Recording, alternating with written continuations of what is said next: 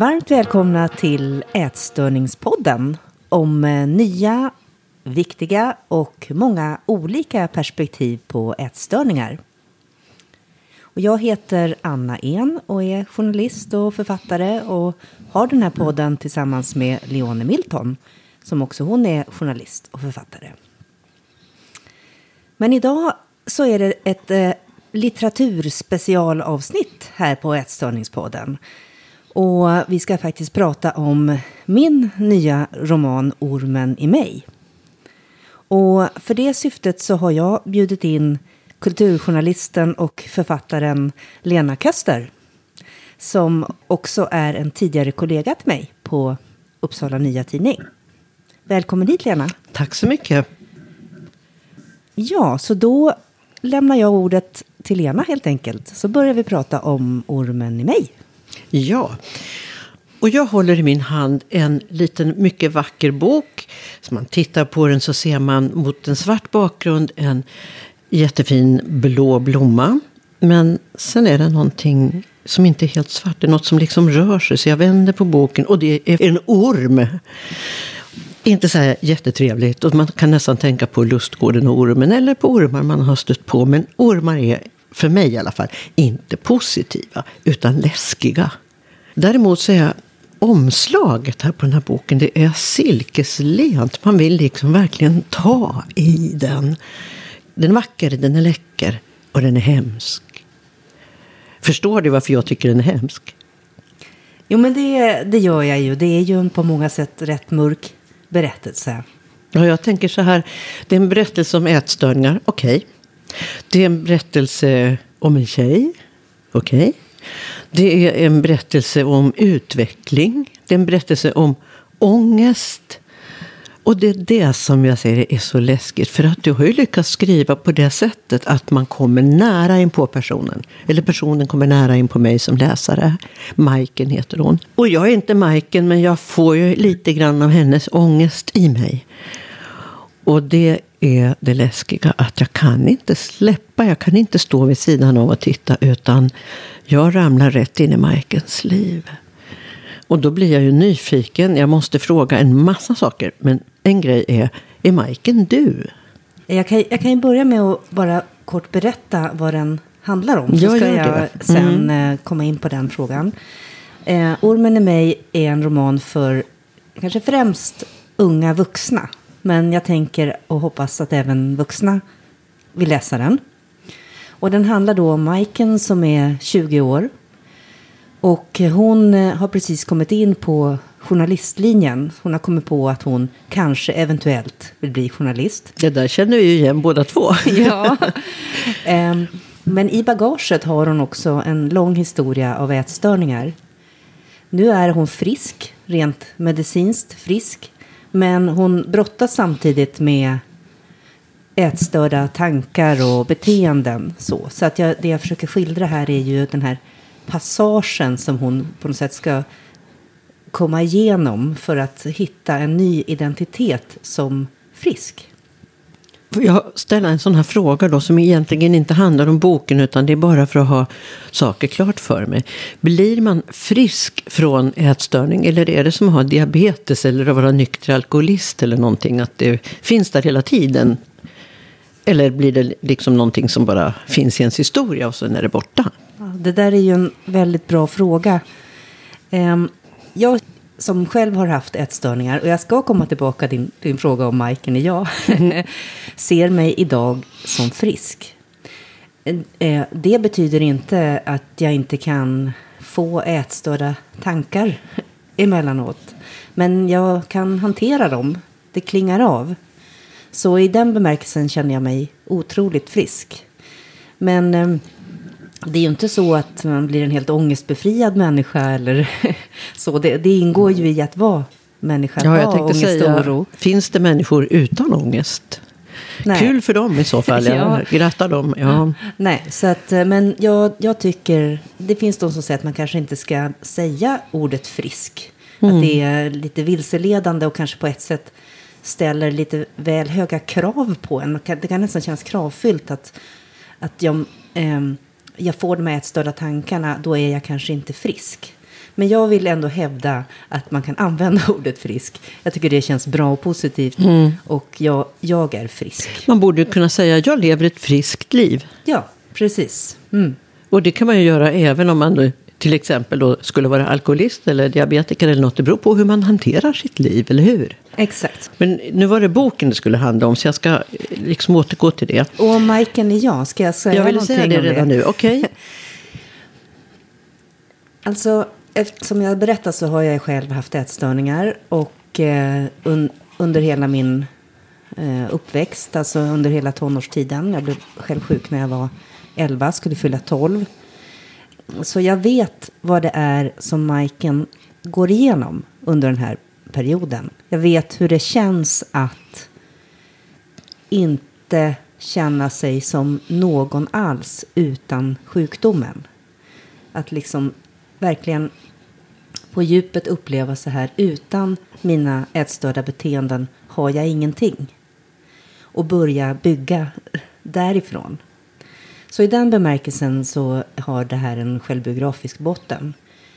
Sen var det ju så att under skrivandets gång, som det ju är när man skriver romaner, så tar ju hur karaktärerna över, språket börjar spraka, leva sitt eget liv, det händer saker som inte jag hade planerat. Så på den, alltså själva händelseförloppet är inte, har inte jag biografiskt varit med om. Men erfarenheten av sjukdomen och hur svårt det är att ta det här klivet in i någonting friskare. När de här olika rösterna bråkar i en. Det har jag varit med om. Du sa förut att den här är skriven för unga vuxna och att du hoppades att vuxna ska läsa den. Men är det inte bra om tonåringar läser den också? Man kanske, ja, kanske i gymnasieåldern eller någonting sånt. Ja, precis. Unga vuxna, det var, det var lite slarvigt uttryckt. Det är på det här bokhandelsspråk Aha. från 15 år och uppåt. Okej, okej. Ja, så det hoppas jag. Gymnasiet och Mm. uppåt. För det är ju en bok som, alltså den är ju nästan en handbok i livet också. Eftersom Majken genomgår ju en utveckling. Det händer en massa grejer och hon tar itu med det på olika sätt, bra eller dåligt. Men hon rör sig hela tiden framåt. Det som annars präglar boken är ju att den är i dagboksform. Så det är ju Majken som berättar. Och det är inte den här allvetande författaren som, som är ovanför någonstans och liksom talar om hur Majken tänker och känner. Utan Majken talar om hur Majken tänker och känner. Det gör ju också att man kommer mycket närmare in på. Och det är väldigt roligt när man tittar på sidor. Alltså kapitel kan ju vara flera sidor långa. Men det finns ju kapitel om man säger så för att det är datumnummer på dem. Som kanske är fem rader bara. Och det upplever jag som ett väldigt bra grepp. För att det gör det väldigt lätt att rinna genom boken. Att eh, ta sig igenom den, få en liten paus. Tänka lite grann här och där. Och eh, inte fastna i en text som bara maler på hela tiden. Det gör inte den här boken. Den maler inte på. Utan det händer saker och man blir med i det här varierade dynamiska händelseförloppet. Är det någonting som du har tänkt på medvetet att jag ska göra på det här sättet? Eller har det bara blivit när du har skrivit? När dagboksperspektivet, den rösten dök upp, då var ju det nyckeln till skrivandet. Jag hade ganska länge, eller en tid ska jag säga, gått och tänkt att jag skulle vilja skildra den här perioden i en människas liv. Och jag hade väl klart Hade du för mig- provskrivit någonting då? Jag hade så här mera skissat, gjort en, gjort en lite, försökt göra någon liten plan så här att ungefär den här fasen i livet, ungefär här ska hon befinna sig. Men sen hade jag ingen aning om hur jag skulle skriva det. En, fråga, en snabb fråga då. Ja. Hur, vad var, det, var det första du skrev? Är det in, det som är det första kapitlet? Eller var det någon annan scen i boken som var det första du skrev? Det allra första jag skrev, det är några scener in i eh, boken. När, när hon på första dagen på journalistlinjen ska eh, göra ett porträtt av en kurskamrat. Eh, och det, eh, det, det var faktiskt väldigt eh, speciellt när det här dagboksperspektivet dök upp. Då var det ju nämligen så att jag var vikarierade som skrivlärare på Viks folkhögskola.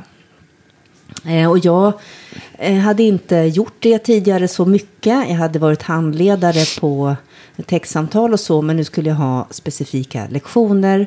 Och då fick jag den här idén att eleverna skulle skriva eh, dagbokstext. Att eh, först skriva en text i vanlig romanprosa eller tredje eh, persons perspektiv och sen omvandla den till dagboksperspektiv. Och så tänkte jag att jag måste se då om det här funkar att göra. Så medan eleverna satt och skrev så testade jag själv att skriva i dagboksform. Och då kom de här scenerna. Då citerar jag här. Idag gjorde jag helt säkert bort mig. Först intervjuade Karl mig och jag babblade på. Hade bestämt mig för att absolut inte babbla. Och ändå gjorde jag det. vet inte vad jag sa. En massa skit förmodligen. Det där kan man ju känna sig väldigt hemma i. Majken är en person som är ganska så självbetraktande. Hon ser hela tiden på sig själv och kommenterar också sig själv. Var, var det också planerat att hon skulle göra på det sättet och vara på det sättet? Eller har hon helt enkelt bara blivit och växt under resans gång? Visste du, menar jag, från början hur det skulle sluta? Eh, eh, nej, det, hade jag, det visste jag inte alls. Jag trodde att, det skulle, att jag skulle skildra en mycket kortare period i Michaels liv än vad det blev. Och jag hade ingen aning om att hon får ett återfall. Så slutet, det, det växte fram. Eh, det är ju alltid väldigt svårt att veta hur man ska avsluta en roman. Men jag, jag ville inte att det skulle vara ett glättigt slut. Det var väldigt viktigt. Därför att jag tycker inte det hade varit trovärdigt. För jag försöker ändå skildra en process som jag vet kan vara väldigt långdragen. Och att Majken plötsligt skulle komma ut i livet helt återställd och fri. Det kändes inte som en, en trovärdig berättelse. Men däremot så försöker jag ju, alltså den, den slutar ju hoppfullt för Majken. Jag tycker den slutar starkt. Det finns, jag ska inte heller berätta liksom precis vad som händer. Men eh, hon, om man säger så här, hon går in i en ny verksamhet. Där hon verkligen går ner på djupet på alla plan och kommer upp till ytan. Och det är någon form av katarsis, en stor förändring som sker inom henne. Och det här är verkligen både bildligt och alldeles fullständigt prosaiskt. Det, det, är någonting som händer där. Men vägen dit är ju lång och slingrande. Och det finns också killar inblandade i det. Och det är, nu ska vi se om jag säger rätt nu då. Det är Viktor och Karl och Erik va? Är det någon mer som jag har glömt? Det är minst tre killar på olika mm. vis. Nej, det är nog de tre mm. som är. Mm. Och som är väldigt olika sinsemellan. Och mm. relationerna är inte heller likadana. Utan Majken har, hittar olika sidor i ja, relationer och sig själv. Precis, det, det är ju så här att Majken har ju den här långa ätstörningserfarenheter under hela, som hon har haft under hela sin tonår. Vilket har gjort att hon har liksom inte varit med om det som man brukar vara med om i tonåren. Hon har inte varit ett dugg intresserad av killar till exempel. För det och inte, inte haft någon sexdebut tidigare heller. Nej, hon har inte haft sex med någon. Eh, hon har liksom varit väldigt avstängd. Hela hennes liv har varit koncentrerat runt att försöka att inte äta eller att äta för mycket och kräkas. Så det har inte fått plats. Det här vanliga tonårslivet har inte fått plats.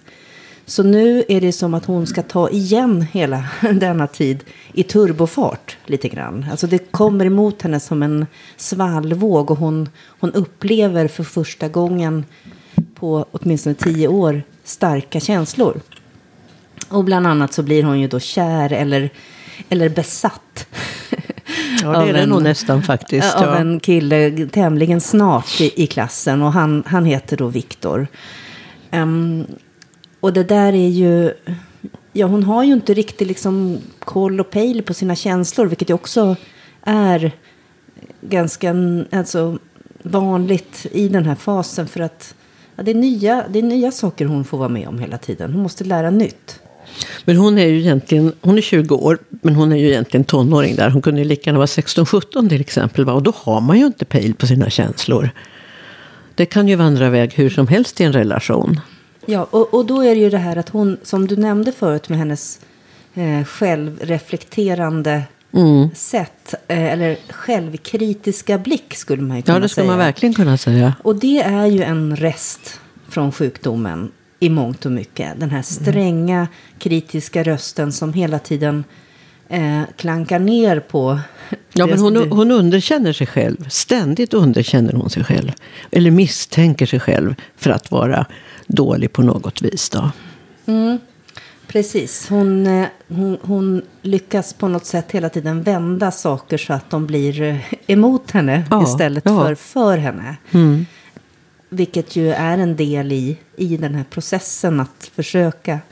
Alltså att rösten som talar för henne ändå ska bli starkare och starkare. Och att det att försöka hitta sätt som att, stärka den på. Och där var ju du inne på det här med djupet som hon går ner i på slutet. Och det, det handlar alltså rent konkret om att hon tar dykcertifikat. Ja, jag tänkte och, inte berätta det. Nej.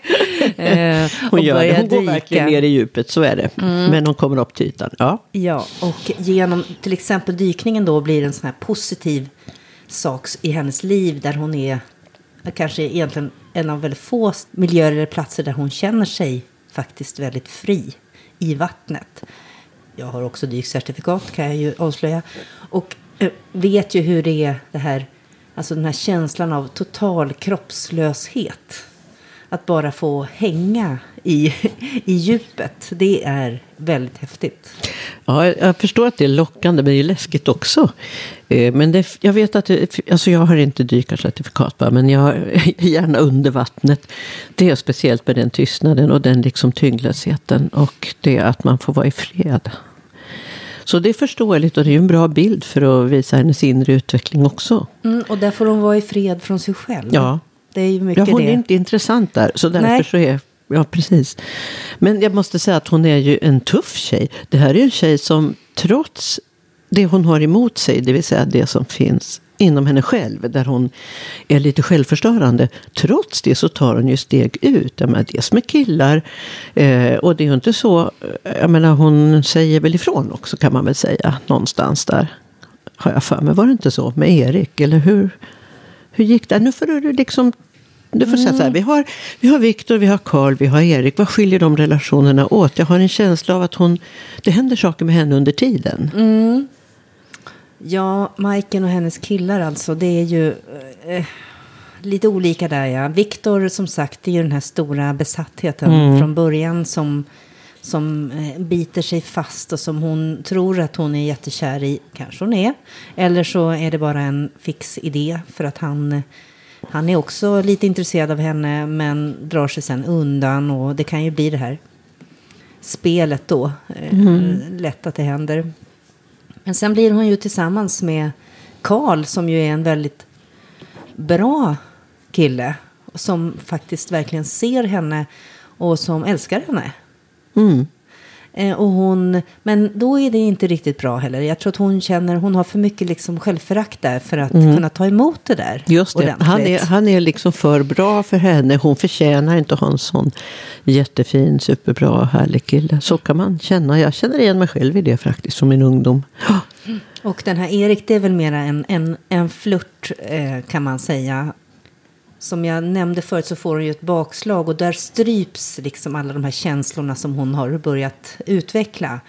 Eh, och, och, och då gör hon ju slut med, med Karl och hon, och hon är inte längre intresserad av den här flirten och liksom det tar stopp igen.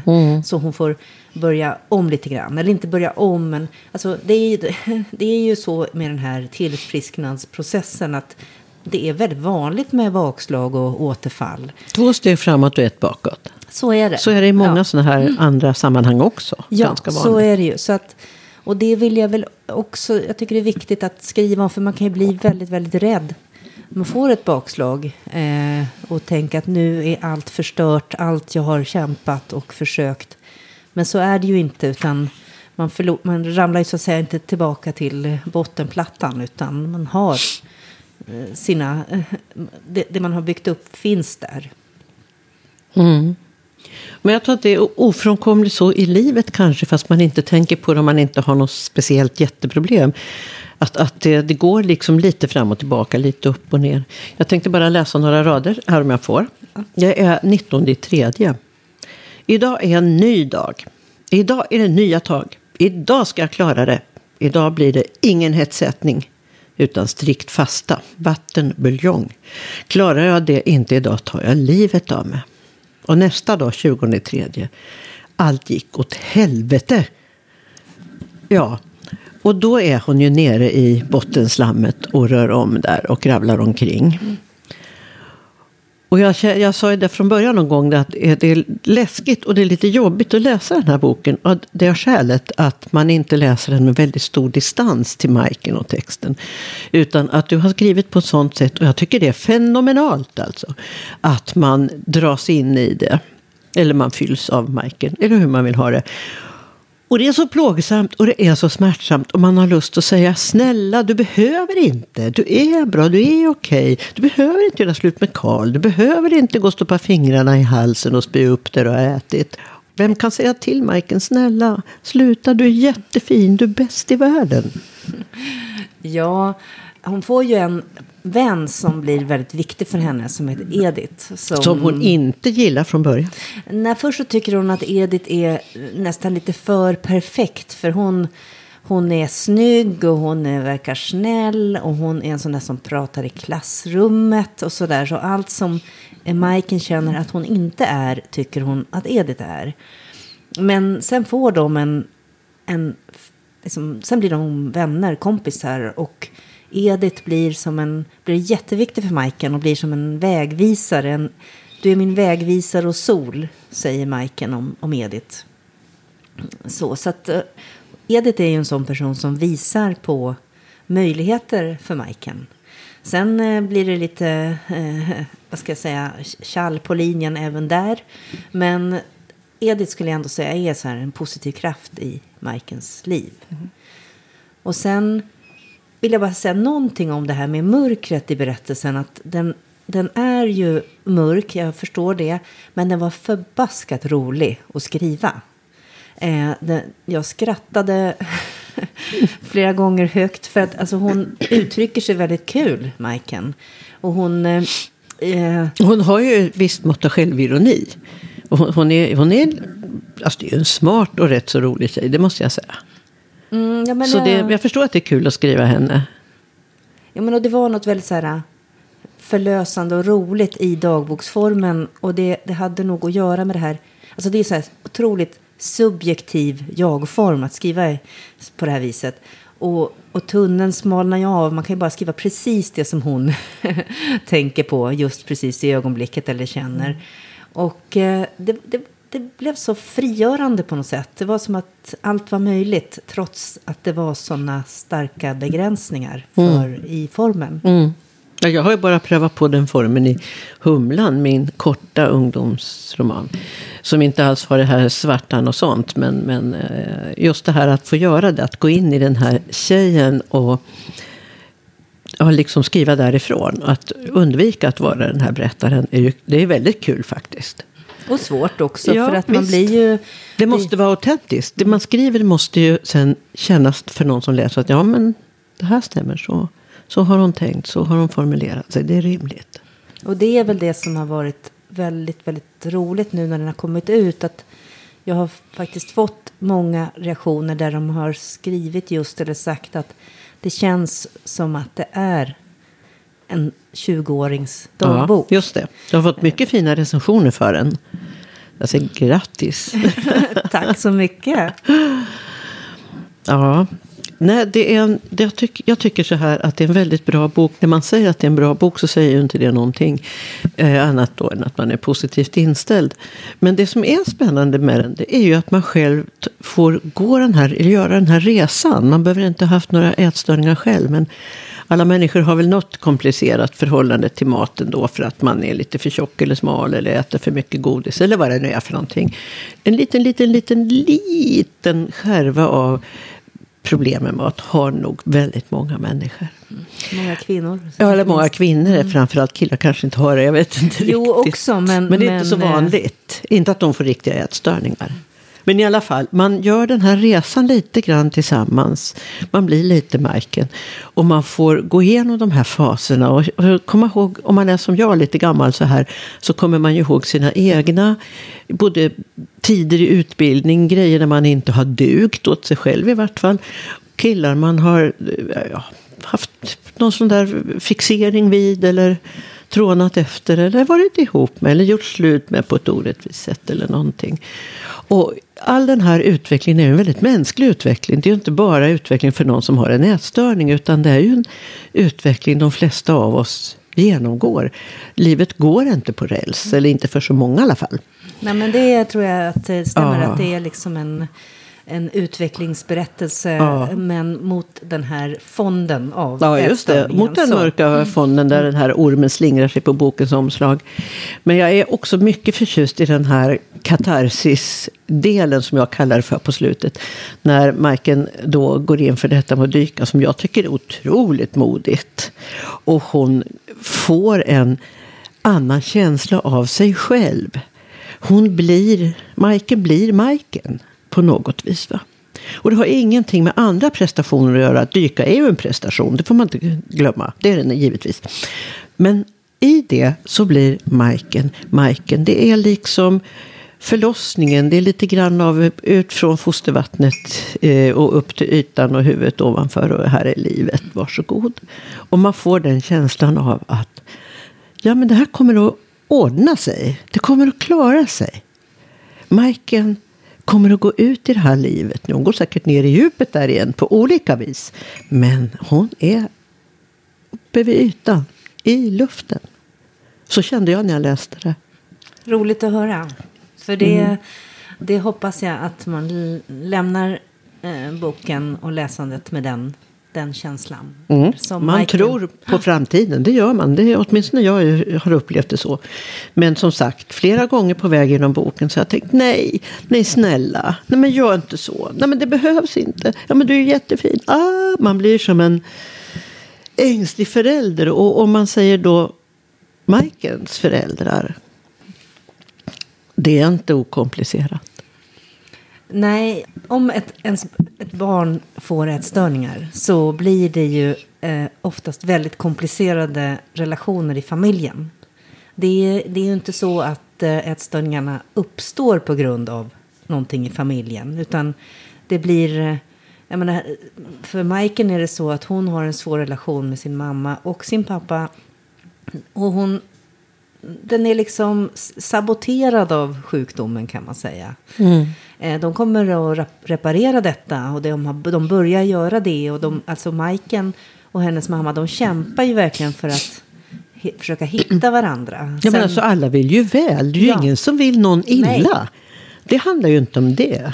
Det är ingen sån familjerelation. Sådana finns ju också. Det, det, det är liksom... Eh, de har varit med om så svåra saker som de kanske inte har lyckats reda ut eller prata om ordentligt. Det ligger kvar där och, och, och skaver fortfarande. Men eh, Majken och mamman, de, de ger som inte upp detta. Och det är underbart. Och, och det tycker jag är liksom, den här mamman tycker jag är en hjälte i den här berättelsen. För att hon, jag menar, hon ger verkligen aldrig upp. Hon får ju höra att hon inte ska höra av sig och att hon ja, ska hålla sig borta från Majkens liv. Men hon gör inte det, hon vägrar det. Ja, men som, jag menar, du är mamma, jag är mamma. Och jag menar, det finns ju ingenting som tär så mycket på en som om ens barn, något, om ens barn mår dåligt. Och man vill göra det bra. Det är ju inte sagt att man kan göra det bra. Och det man vill göra för att det ska bli bra kanske faktiskt försämrar läget. Och det där vet man som mamma också. Men hur ska man låta bli? Man älskar sitt barn. Och jag bortser från sådana situationer när föräldrar inte älskar sina barn och inte bryr sig och så vidare. Det finns ju tyvärr också. Va? Men vanligen så är mammor hjältar för de är beredda att göra precis allt. Sen kanske inte barnen vill att mamma ska göra allt för det blir en tyngd att bära på. Men jag tänker på en helt annan sak. De har en hund, Loka. Och Majken har skuldkänslor. Hon har ryckt i kopplet, eller hur var det? Eller hon har inte gått ut så mycket. Alltså alla som har haft en hund vet att man inte alltid ger hunden allt hunden vill ha. Man kanske älskar hunden men ibland så är man så troubled. Man är så less på allting och man orkar inte. Och sen efteråt så får man skuldkänslor. Jag vet, jag har också skuldkänslor för hundar jag har haft. Som jag älskade. Uh. ja, ja. Alltså det som är speciellt med Loka är ju att hon är, hon är ju en gammal hund. Mm. Så hon har varit med eh, Majken under hela den här sjukdomstiden. Så Loka är ju dels då en, en älskad hund, ett älskat husdjur som har varit eh, tryggheten för Majken när hon mådde som sämst. Men hon är också en sorts vittne till hennes sjukdomstid. Eh, Majken under förevändning att hon skulle gå ut med Loka till exempel. Och nu, det här är alltså före berättelsens gång när hon var som sjukast då.